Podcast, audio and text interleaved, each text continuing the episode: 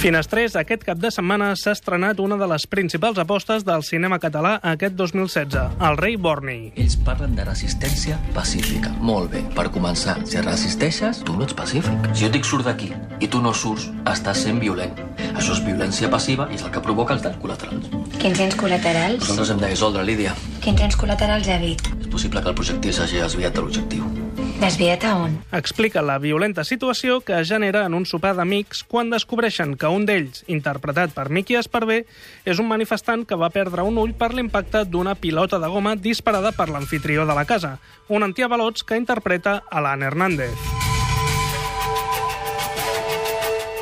Aquesta pel·lícula va ser abans una obra de teatre, amb els mateixos actors i escrita i dirigida pel mateix director, Marc Creuet. Cada cop un dia els va dir als actors «Ei, podríem fer una pel·lícula amb aquest material?» Sí, una miqueta sí, una miqueta van així, no? Nosaltres encara estàvem amb, amb les últimes funcions de l'obra, acaben de girar, i, i de cop i volta va ser com un run-run. Saps com, com, com quan circula una notícia pels patis del col·le? Pues una miqueta així, no? Escolta, mentre que el Marc igual es motiva, no? Sí. El Marc ens ho va dir, no? Home, ja venia de lluny, de, de que li havia allò que t'havia engrescat una mica Sí. el Joaquim A- a Moristrell, Moristrell, sí. però s'havia quedat aparcat. Allò i tal, una mica en plan... Sí. Eh, bueno, potser sí, molaria fer-ho, però Clar. no d'allò. La pel·lícula és extremadament fidel, però per un moment va estar a punt de ser ben diferent. És que vaig començar a escriure una primera versió i, i la, va, la era molt més cara, primer de tot. I després que no m'acabava de convèncer perquè vaig fer això que es diu que, que respiri la pel·li, que hi hagi moltes... mo- que hi hagi exteriors, que hi hagi altres subtrames i tal.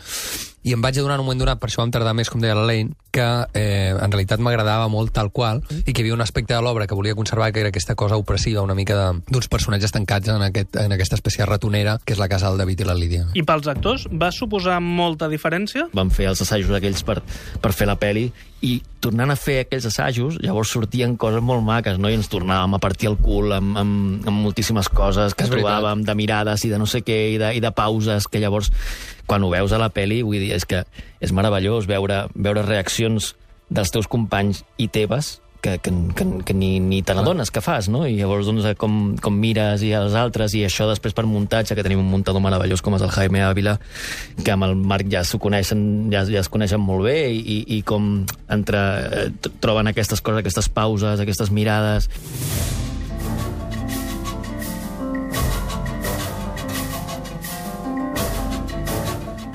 feu tan bona parella? Sí?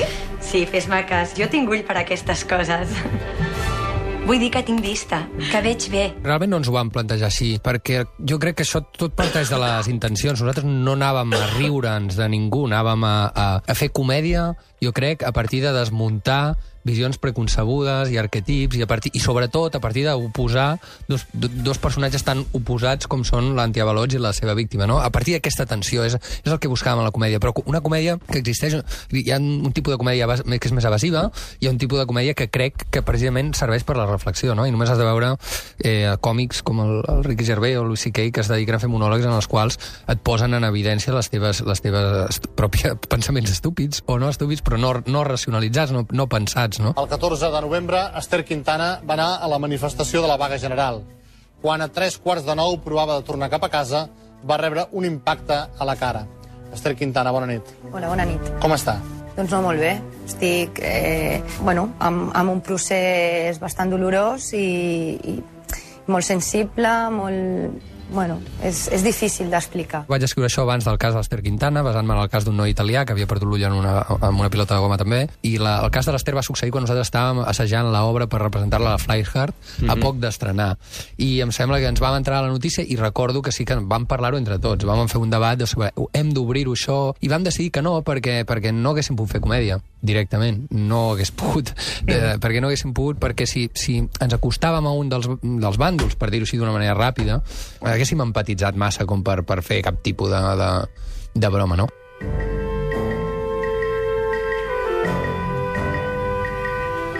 Gairebé només una localització i només quatre personatges. Per tant, màxima importància per ells i el guió. L'Estat deu diners a uns països, que deuen diners a uns altres països, que deuen diners a uns inversors, que no tenen aquests diners, però que li deixen més diners als països que els els deixen a nosaltres. Ho entens? No.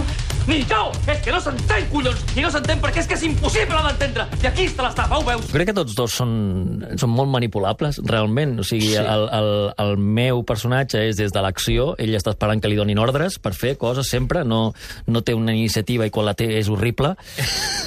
Llavors, ell està esperant tota l'estona. Eh, què fem? Què fem? Tant, tant amb ell com a la seva dona, la seva, la seva d'allò és què fem, no? Perquè ell vol fer, ell no vol pensar, ell vol fer. Vol que els altres pensin per ell i, i llavors que li, que, li, que li ordenin què ha de fer, no? Tu no en tens ni puta idea del mal que m'has fet. I el meu seria una miqueta, des d'un punt una miqueta més nutrit, no? I més, mm -hmm. més cultivat, però, sí. però sí que és veritat que és, és molt manipulable. De fet, jo hi ha un discurs sobre la pel·li que m'agrada molt defensar, que és que um, al final els personatges es mouen per amor i, i crec que és les dues, les dues úniques línies en les que coincideixen tant el David i, i l'Ignasi, i, i, i això és indiscutible, és que el David, eh, si, si es torna a veure amb aquest home, és per amor, per l'amor cap a la seva dona, no cap a ell, sinó cap a la seva dona, perquè vol recuperar una relació. I en el meu cas, jo em torno a citar amb aquest home perquè la meva dona m'ha apretat perquè ho faci, no?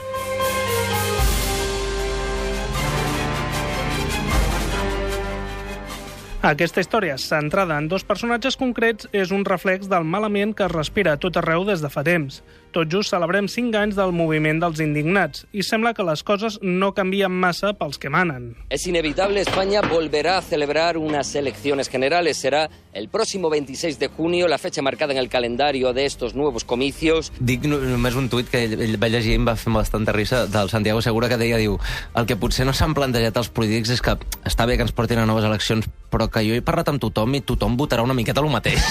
Com de, ja ens podem portar un altre cop, però és que tornarà a passar una És que miqueta el mateix. veritat, no? és inútil. Sí, sí. Tema eleccions. Jo crec que l'ambient sí que és bastant desalentador en general. No? Bueno, jo, jo, jo crec que hi ha una crisi de fons, no? I per, per això segueix sent actual la pel·li. I jo, jo una mica, a través del personatge de l'antiavalots, que eh, a partir de la trobada amb el Born i altres coses que passen a la pel·li, eh, té una crisi, diguéssim, de, del seu sistema de creences, no? I que afecta al seu sistema de creences i al dels altres personatges. I fa un viatge per trobar una mica, per tornar a trobar, per reconstruir-se a si mateix, per trobar la seva identitat. D'alguna manera crec que això, la, la meva idea era fer una, una mica una metàfora del moment en què ens trobem tots, perquè jo em sento així. Jo tinc la, la sensació de que la gent se sent una mica així, no? Una mica perplexa, desorientada i una mica quasi amb estupor davant d'un sistema, d'un esquema, d'un sistema de valors, de creences, d'una societat, d'un sistema en majúscules que, que veiem clarament les esquerdes, però no veiem una alternativa clara, no? Hi han tendències que ens porten un lloc o un altre, però llavors jo crec que hi ha una cosa de fons. Per això parlava abans d'una crida al diàleg, perquè crec que fa falta, i això passa a la peli, no? També els personatges amb visions tan diferents, i sí que és veritat que a vegades ens diuen, a part de la comèdia, que no la deixem en cap moment, hi ha una certa tristesa de fons, i jo crec que és una tristesa que té relació amb aquesta dificultat humana de comunicar-nos, de sortir-nos de la nostra pròpia, del nostre propi rol, empatitzar amb l'altre i, i, i realment arribar. Però crec que és necessari passar per aquí perquè, perquè per, per dissenyar entre tots algo que, que realment ens porti a algun lloc, no? Però mal rotllos a banda, no oblidem que, tot i que negre, això és una comèdia. Per tant, acabem amb una mica d'humor. Preguntes de sí o no, eh? Aviam, Alen, eh, Sí. ets fan de no. Vin, Vin Diesel? Home, me n'he fotut unes quantes, eh, d'aquest home de Fast and Furious i tal. No sóc especialment fan, però, però reconec que, home, dintre del seu gènere, el tio és una màquina, sí. Això és un sí. Això és un sí, sí, sí. Pel, eh, pel Marc, eh, tu també has caigut en la temptació dels dots interpretatius de Pere Vall, no? Sembla? Sí, home. Com resistir-se? Sí, sí. No, sí, Acabarem sí. fent un concurs a la finestra que consistirà en localitzar a Fausto Fernández i Pere Vall a les diferents pel·lícules que han anat fent. No us perdeu, doncs, el rei Borni, per entretenir-se i per reflexionar a parts iguals.